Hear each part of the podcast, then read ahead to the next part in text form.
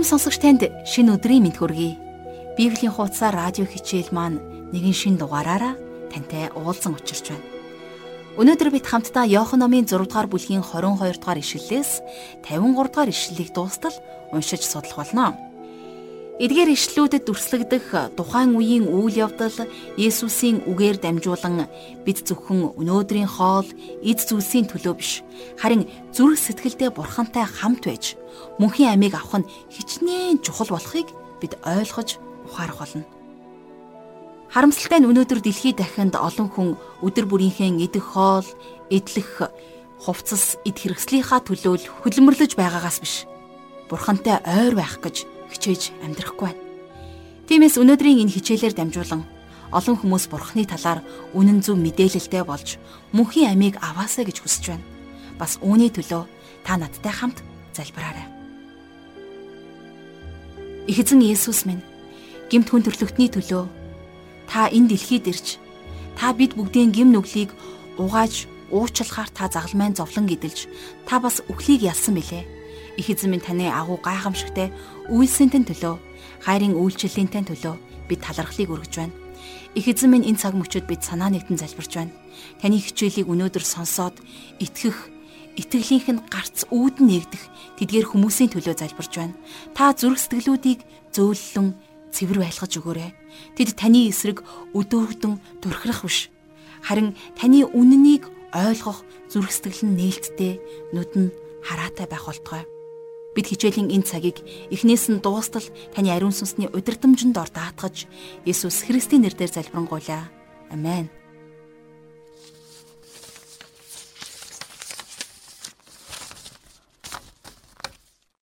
За Иохан номыг судалж байгаа өнөөдрийнхөө хичээлийг бид 6 дугаар бүлгийн 22-оос 24 дугаар ишлэлээр үргэлжлүүлж байгаа.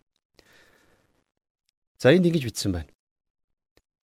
Тэнд ганц завинаас өөр зав байхгүй байсныг Есүс шавнырынхан хамт завинд суугаагүйг харин шавнар нь явсныг нуурын нөгөө тал зогссон хурсан олон дараа өдөр нь харжээ. Эзэн талархал өргөсний дараа хүмүүс талх идэж байсан тэр газрын ойролцоо өөр завнууд Тиберээс иржээ. Тэгээд Есүс ч шавнар нь ч тэнд байхгүй хараад хурсан олон өөрсдөө завнуудад сууж Есүсийг хаан Капернаумд иржээ. За мэдээж Есүс э, тэднийг Галил нуурын өмнөд хэсэгт хоололсон. За тиймээс тэд нар Капернаум руу түүний ардаас зав хүлгэлж ирсэн нь энэ байсан юм. За энэ хэсэгт э, эзэн талархал өргөсний дараа гэсэн өгүүлбэр байгаа. Тэгэхээр Йохан Есүс гэдэг нэрийг ихэвчлэн хэрэгэлдэг байсан болвол энд анх удаага эзэн гэдэг үгийг хэрэгэлсэн. За учир нь Есүс бол үг нь махан бий болсон гэж Йохан өөрийнхөө сайн мэдээний 1-р бүлгийн 14-р эшлэлдэр бичиж байсан тэр үг бол Есүс юм. Түүний гэрчлэх бас нэгэн гэрчлэл Матай номын 1-21 дээр байдаг. За энд үүнийг хүү төрүүлэхэд чи түүнийг Есүс гэж нэрлэ. Учир нь тэр өөрийн ард түмнийг нүглээс нь аварна гэж хэлсэн байдаг. За харин Сониуч хүмүүсийн хувьд гэх юм бол түүнийг яаж нуурын нөгөө талд гарсныг мэдхийг тэд нар үнэхээр их сонирхсан байна. За цааш нь 25-аас 26 дугаар ишлэгийг харъя. Тэд түүнийг нуурын нөгөө талд олоод түүнээс "Раби, та хизээ энд ирсэн бэ?" гэж асуув. Есүс тэдэнд "Үннээр үннээр би та нарт хэлье. Та нар тэмдгүүдийг үдсэндээ намайг хайгаагүй. Харин талх идэж цадсан учраас хайж байна" гэсэн байна. Тэгэхээр Есүс тэдний асуултанд шууд хариулт өгөөгүй. Харин тэр тэдний түүнийг хайх болсон шалтгаан нь юу байсныг л тэдэнд хэлсэн. За үнэн дээр Есүсийн хэрэгэлсэн үг талах биш. Харин тижэл гэсэн утгатай үг байсан юм. Тэгэхээр тэнд цугласан хүмүүс бордоо тижэл идээд цадсан. За тэгээд ч тэдний сонирхол бурхны үгийг сонсох биш. А зөвхөн гидсээ цадгах л байсан. За 6 дугаар бүлгийн 27 дугаар ишлэлдэр Та нар мөхөж устдах хоолны төлөө бус. Харин мөнх амьд хүргэх хоолны төлөө ажил. Үүнийг хүний хүү та нарт өгөх болно. Учир нь түүний дээр эцэг бурхан өөрийн тамга дарсан юмаа гэлээ. За энийг бид нар өнөөгийн бидний ярьдаг орчин үеийн хэлбэрээр тайлбарлая л да. Тэгэхээр та устж үгүй болох хоолны төлөө битгий ажил. Харин мөнх амийн төлөө үлдэх хоолны төлөө ажил гэж. За энэ хоол бол хүний хүүгийн та нарт өгөх хоол. Учир нь яагаад үг гэхээр энэн дээр эцэг бурхан өөрийн тамгыг дарсан юм а гэж. Тэгэхээр энэ ойлголт бол Есүс худгийн дэргэд самар эмэгтэйд хүрсэнтэй яг адилхан хандлага болохыг та ойлгох бах. Тэр эмэгтэй хувьд гэх юм бол энэ үйлдэл хүссэн ус нь байсан. Харин тэрнийг голын нөгөө ирэг дээр ирсэн эдгэр хүмүүсийн хувьд бол энэ нь талах байсан. За дээр яригадад байгаа талах ба ус болвол амийг олж авахд ямар чухал зүйл болохыг та бид мэднэ. Тэгэхээр Есүс бол талагч мөн за бас усч мөн. Есүс амийн усыг өгдөг. За тэр бас амийн талахыг өгдөг. За 28 дугаар ишлэлээр үргэлжлүүлэн харцгаая. Тэгтэл тэд түүнээс бид бурхны ажлуудыг хийхийн тулд юу хийх вэ гэсэнд. За өөрөөр хэлэх юм бол тэнд цугласан байсан хүмүүс аврагдахын тулд яах вэ гэж асууж байна. Хүн ажиллаж чадвал аврагдаж чаднаа гэж яагаад ч юм үргэлж боддог. Хүн өөрийнхөө авралын төлөө ажиллах хэрэгтэй. За ажиллах чадвартай гэж боддог. Бурхан түүний хийсэн үйлсийг хүлээн зөвшөөрөх ёстой гэж боддог.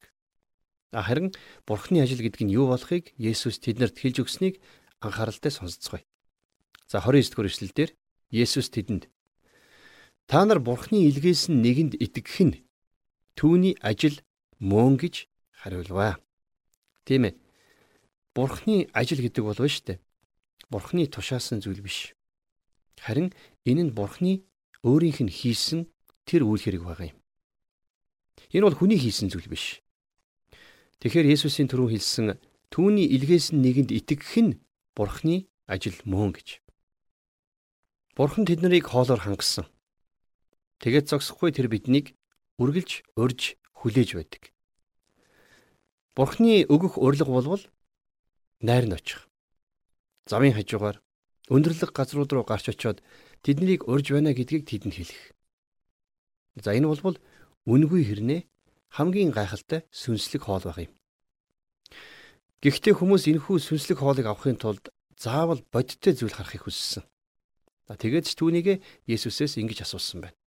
30 дугаар эшлэлдэр тэд нэр түүнд Тийм бол бид хараад танд итгэх ямар тэмдгийг та үйлддэг вэ? Та одоо ямар ажил хийж байна? Тэгэхээр үнэхээр хүмүүс бидний зөрсгөл ингэтлээ их хатуурсан байсан. Бидний их эзэн 50000 хүнийг гайхамшигтайгаар хоолсон байхад тэд нар одоо бидэнд тэмдэг үзвэл та ямар ажил хийж байна вэ гэж ам асууж байна. За өөрөөр хэлэх юм бол тэд нар итгэхийг огт хүсээгүй байна гэсэн үг. Тэгээд тэд нар хоолны ширээ рүү ходоод руугаа өнөөх яриаг иргэн авчирдаг. За 31-ээс 33 дугаар ишлэгийг харцгаая. Тэр Тэнгэрээс тэдэнд идэх талах өгөв гэж бичигдсэнчлэн бидний өвөг дээдэс цүлд маана идсэн гэцгээхэд Есүс тэдэнд Үннээр үннээр би танарт хэлье. Тэнгэрээс буух талахыг та нарт Мосе өгөөгүй. Харин Тэнгэрээс буух жинхэнэ талахыг өгөгч нь миний эцэг мөн. Учир нь Тэнгэрээс буун ирж ертөнцид амийг өгдөг нь Бурхны талах юм гэлээ. Тэгэхээр тэд нэр яахын аргагүй бодиттой хоолны талаар л бодсон хിവэрэ байсан. Тэд нэр хэлэхдээ Мосе биднэрт мана өгсөн гэж ярьсан. А гэтэл үнэндээ манаг өгсөн нь Мосе биш харин Бурхан байсан. Тэгэд ч энэ гэрчлэл нэг удаагийн хэрэг байгаагүй. Бурхан 40 жилийн турш тэд нарыг өдөр бүр хоолсон. Тийм учраас хүмүүс хооллуулахыг л хүсдэг. Харин мана тэд нарыг цөлд байхад тэр өдөр бодит амийг өгсөн юм. Энэ бол Бурханаас ирсэн бэлэг байсан. За яг үүнтэй адилхан эзэн Есүс сүнслэг амийг та бидэнд өгдөг. Юу гэж хэлсэн гэхээр эцэг минь та нарт Тэнгэрээс жинхэнэ талахыг өгдөгөө гэж Есүс хэлсэн байна. За 34 дугаар ишлэгийг хамтдаа харъя. Тэгтэл тэд эзэн энэ талхаа бидэнд үргэлж өгч байгаа ч гэв. За энэ үйл явдал бол худгийн дэргэд ус гуйсан тэр эмэгтэйтэй яг адилхан байсан. За тэр эмэгтэй бол бодит усны талаар л бодож байсан. Харин бидний эзэн тэрэнд сүнслэг усыг тайлбарлах хэрэгтэй болдог. Тэгэхээр яг энэтэй адилаар эдгэр хүмүүсийг бас хоолны ширээнээс холдуулж сүнслэг амийг өгдөг. Сүнслэг талхыг харуулах нь Есүсийн үйлчлэл байсан юм. За 35 дугаар ишлэлдэр Есүс тэдэнд "Би бол амийн талх байна. Над руу ирдэг хүн өлсөхгүй. Надад итгэдэг хүн хизээч цангахгүй" гэж. За тэгэхээр энэ үгээрээ байна штэ. Есүс хоёр зүйлийг хамтдагч хэлсэн байна. За тэр бол мана. Тэр бол Тэнгэрээс бууж ирсэн тэр нэгэн. Тэр ертөнцийн төлөө өөрийнхөө амийг өгсөн. Тэгснэр та бид нар амьтай болох. Тэр бол бас аврал гэсэн үг. Бид мөн түүнийг биднийг аврах амийн талах. Бид энэ амийн талахаар байн хооллох ёстой гэдгийг ойлгох хэрэгтэй. Тэгснээрээ бид нар сүнсээрээ өсдөг юм. За нь хэлэхэд мана бол үнэхээр гайхамшигтай хоол байсан. Израилийн хүүхдүүдийг амлагдсан нутаг руу ороход тэдэнд бурхны үгийг илэрхийлэх тэр газрын тариа буудаг өгсөн. А гэвч олон хүмүүс тариа бууданд үнэхээр дургу байдаг. Тийм учраас Есүс энэ үгийг хүмүүст хандаж хэлсэн байна. За 6 дугаар бүлгийн 36-аас 37 дугаар ишлэл. Харин та нар намайг үдсэн боловч итгэхгүй гэж би та нарт хэлсэн. Эцгийн надад өгдөг бүхэн над руу ирнэ. Над руу ирэх хүнийг би огт хөөж гаргахгүй. За тэгэхээр саяын бидний уншсан энэ 37 дугаар ишлэл бол үнэхээр чухал ишлэл байгаа юм. Энэ ишлэлд сонголт болон чөлөөт хүсэл аль аль нь багтсан байдаг. За тэгэхээр ингэж хэлсэн байдаг эцгийн надад өгөх бүгд над руу ирэх болно гэж. Энэ бол сонголт. А гэхдээ төр хүлээгээрэй. Над руу ирдэг хүнийг би огтхонч хөөхөхгүй гэдг нь бас нэгэн үнэн. Над руу ирдэг тэр гэдг нь чөлөөт хүслийн илэрхийлэл болдог. Тэгэхээр Есүс энэгээрээ дамжуулан гимшил болон итгэлээр өөр дээр нь эргэсдийг бүгдийг нь ухтаж авна гэдгээ амлаж байна. Бурхан эцэг хүмүүсийг Христ рүү явуулдаг. Харин хүмүүс түүн рүү ирэх ёстой. А гэхдээ та бид нар энд байгаа учраас Тэнгэрийн зүйлсийг харж чадахгүй. Мэдээж бурхан сонголтын тэр компьютерийг яаж ажилуулдгийг ч бид мэдэхгүй. Гэхдээ тэр та бидэнд нэг чөлөөт хүсэл ба сонголтыг өгсөн гэдгийг бид нар сайн мэднэ. Тэгэхээр бид нар энийг хэрэгжүүлж гимшил бас итгэлээр Есүс рүү очих хэрэгтэй. Харин хэрвээ би сонгогдоогүй байсан ч гэсэн очиж болох уу гэж та асууж болох юм. Тэгэхээр би юу гэж хэлэх гээд байна вэ гэхээр хэрвээ та очих юм бол сонгогдох болно л гэж хэлмээр байна. За 38 дугаар эшлэл дээр Яагад гэвэл би өөрийнхөө хүслийг хийхийн тулд бус харин намайг илгээгчийн хүслийг хийхийн тулд Тэнгэрээс бууж ирсэн юма гэсэн байна. Тэгэхээр энэ амлалт таны асуултын хариулт яахын аргагүй болж байгааз таныг бурхан руу ирээсэ гэж бурхан хүсдэг. Энэ бол үнэхээр гайхалтай. Есүс Тэнгэрээс бууж ирсэн. Учир нь хүний хүү дээш өргөгдөх ёстой. Тэр эцгийн хүслийг биелүүлэхээр ирсэн таныг дахин төрөөсэй гэж эцэг хүсдэг. Харин түүн рүү очих нь цорын ганц арга зам. Тэгэхээр та итгэлээрээ эзэн Есүс рүү шууд очоорой. Итгэлээрээ очисон хүмбэр мөнх амьтаа болох талаар Есүс хэрхэн айлдсан байдгийг за Иохан номын 6 дугаар бүлгийн 39-оос 40 дугаар ишлээс хамтдаа харцгаая. Түүний надад өгсөн бүгдээс би юу ч алдалгүй. Харин эцсийн өдөр тэднийг амьлуулах нь намайг илгээгчийн хүсэл мөн. Учир нь хүүг харж түүнд итгэгч бүр мөн хамтай байх нь миний эцгийн хүсэл юм. Эцсийн өдөрт би өөрөө түүнийг амьлуулна гэж альдлаа гэж энд бичсэн байна. За тэгэхээр энд яригдж байгаа түүний эцгийн хүсэл болон хүний хариуцлага хоёрын харилцааг та бид нар ойлгох нь чухал. Учир нь та итгэдэг байлаа ч гэсэн Бурхны нэгүүлслээс тасран холдох нь эцгийн хүсэл биш байх нь. За бас хэн нэгэн үннийг мэдэж аврагдах боломжгүй байлгахыг эцэг огт хүсдэггүй юм. Харин хүмүүс бид нар Христийг хүлээн зөвшөөрөх тэр үед л зөвтгөгддөг. Есүс 100 хүнтэй байсан. Тэр нэгийг нь ч алдахгүй. Итгэдэг. Христийг хүлээн авдаг хүмбэр мөн хамийг авдаг. Тиймээс тэр сүүлчийн өдөр дахин амьлуулагдах болно. За 41-с 42 дугаар ишлэгийг хамтдаа уншийе. Тэгтэл Есүсийн Би бол Тэнгэрээс бууж ирсэн талх байна гэж айлдснаас болж түүний тухай евдээчүүд дургуйтсан шивнэлдэж байлаа. Тэд Эн чин Йосефийн хүү Есүс биш үлээ? Бид эцэг эхийн мэдэн шүү дээ. Одоо болохоор би бол Тэнгэрээс бууж ирсэн гэж тэр яаж ярина вэ? гэлцв. Есүс өөрийгөө бурхан гэдгийг заасан. Тэр Тэнгэрээс бууж ирсэн байсан. За энэ үгээрээ тэр өөрийн онгон төрөлтийг хэлж байна. Харин еврейчүүд Есүсийн эцэг за түүний эхийг мэддэг байхад энэ нь яаж тийм болох вэ гэдгийг асууж байна.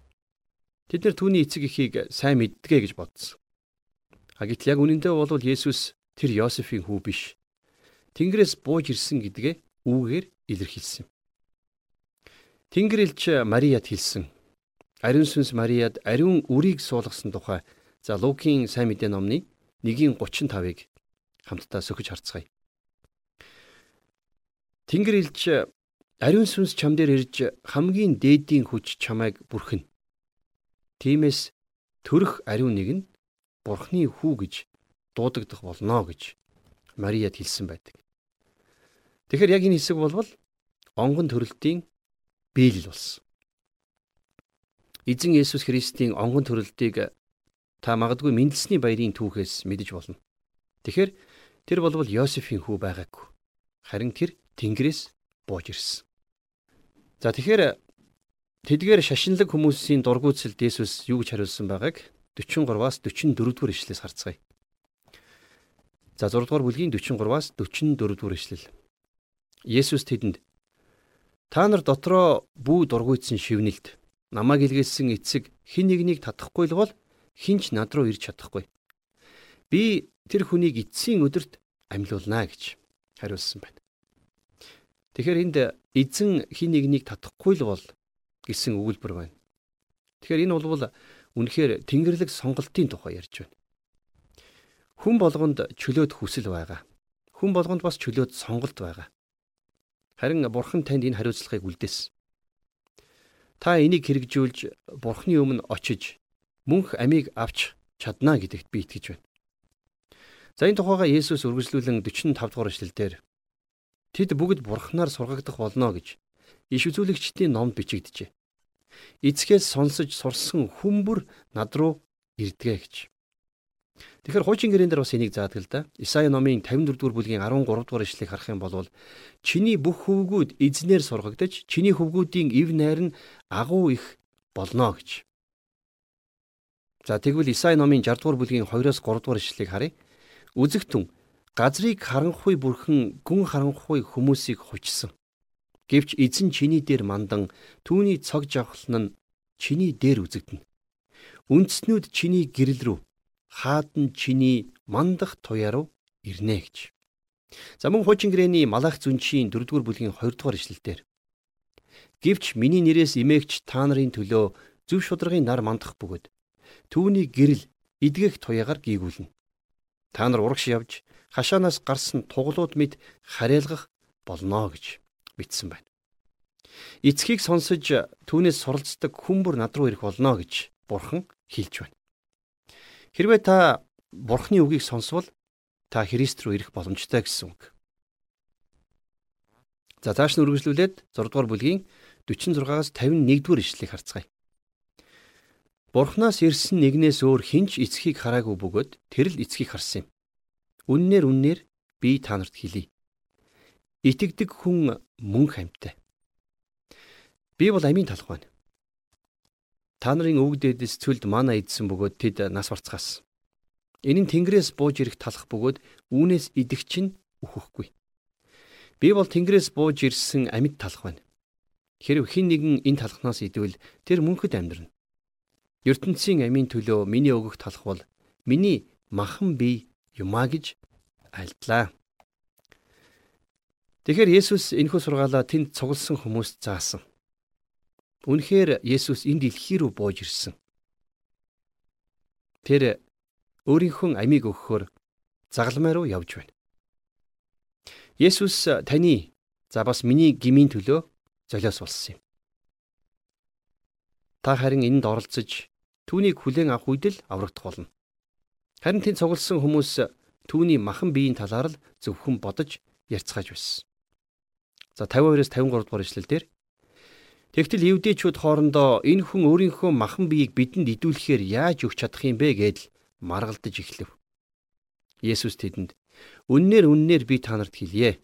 Хэрвээ та нар хүний хүүгийн махыг идэхгүй, цусыг нь уухгүй бол та нарын дотор ам байхгүй гэж хариулсан. За энэ үгийг сонсоод ер нь бидэнд их эвгүй сэтгэл төрж магадгүй. А гэхдээ Есүсийн хэлсэн энэ үг түүнээс сүнслэг байдлаар хуваалцах гэсэн утгатай байсан. Энэ нь амьдрал дээр бодитоор хоолоо хуваалцахаас илүү бодиттой, илүү чухал зүйл байсан юм. Тэгэхээр хүн төрлөختөн бид Есүс Христэд итгэх итгэлээрээ гмийг мань үүрч загалмай дээр үгсэн түүний үхлээр дамжуулан сүнслэг амийг хүлээн авсан. Тэглээгээд та бид үргэлжлүүлэн Христтэй болон түүний үгтэй хамт байх шаардлагагүй болсон гэвэл худлаа.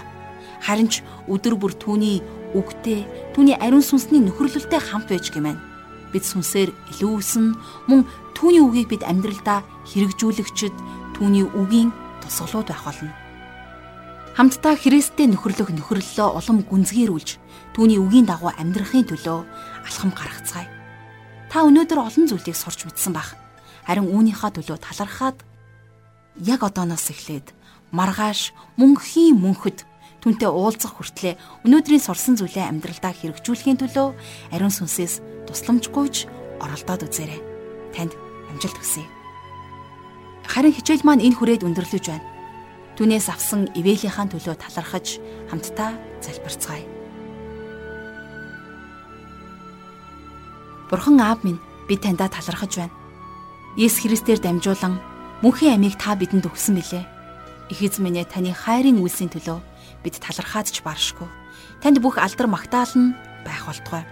Өнөөдөр таныг хүлээн аваагүй байгаа тэдгээр хүмүүс таны үгийг аваад таны үгийг зүрхсэтгэлдээ тунгаан бодоод тэд тань дээр очих болтугай. Тэд таны итгэлийг тэд танд итгэлэн өгөх болтугай. Үргэлжлүүлэн чөлөөт хүсэл чөлөөт сонголт гэдгийг зөвхөн таны үгээр үйлдэгч болгоход ашиглаж байхад ариун сүнсээрээ тусалж, зааж, чиглүүлж өгөөрэй. Энэ бүхнийг би таньдаа даатгаж Иесус Христийн нэрээр залбирanгуйлаа. Амен.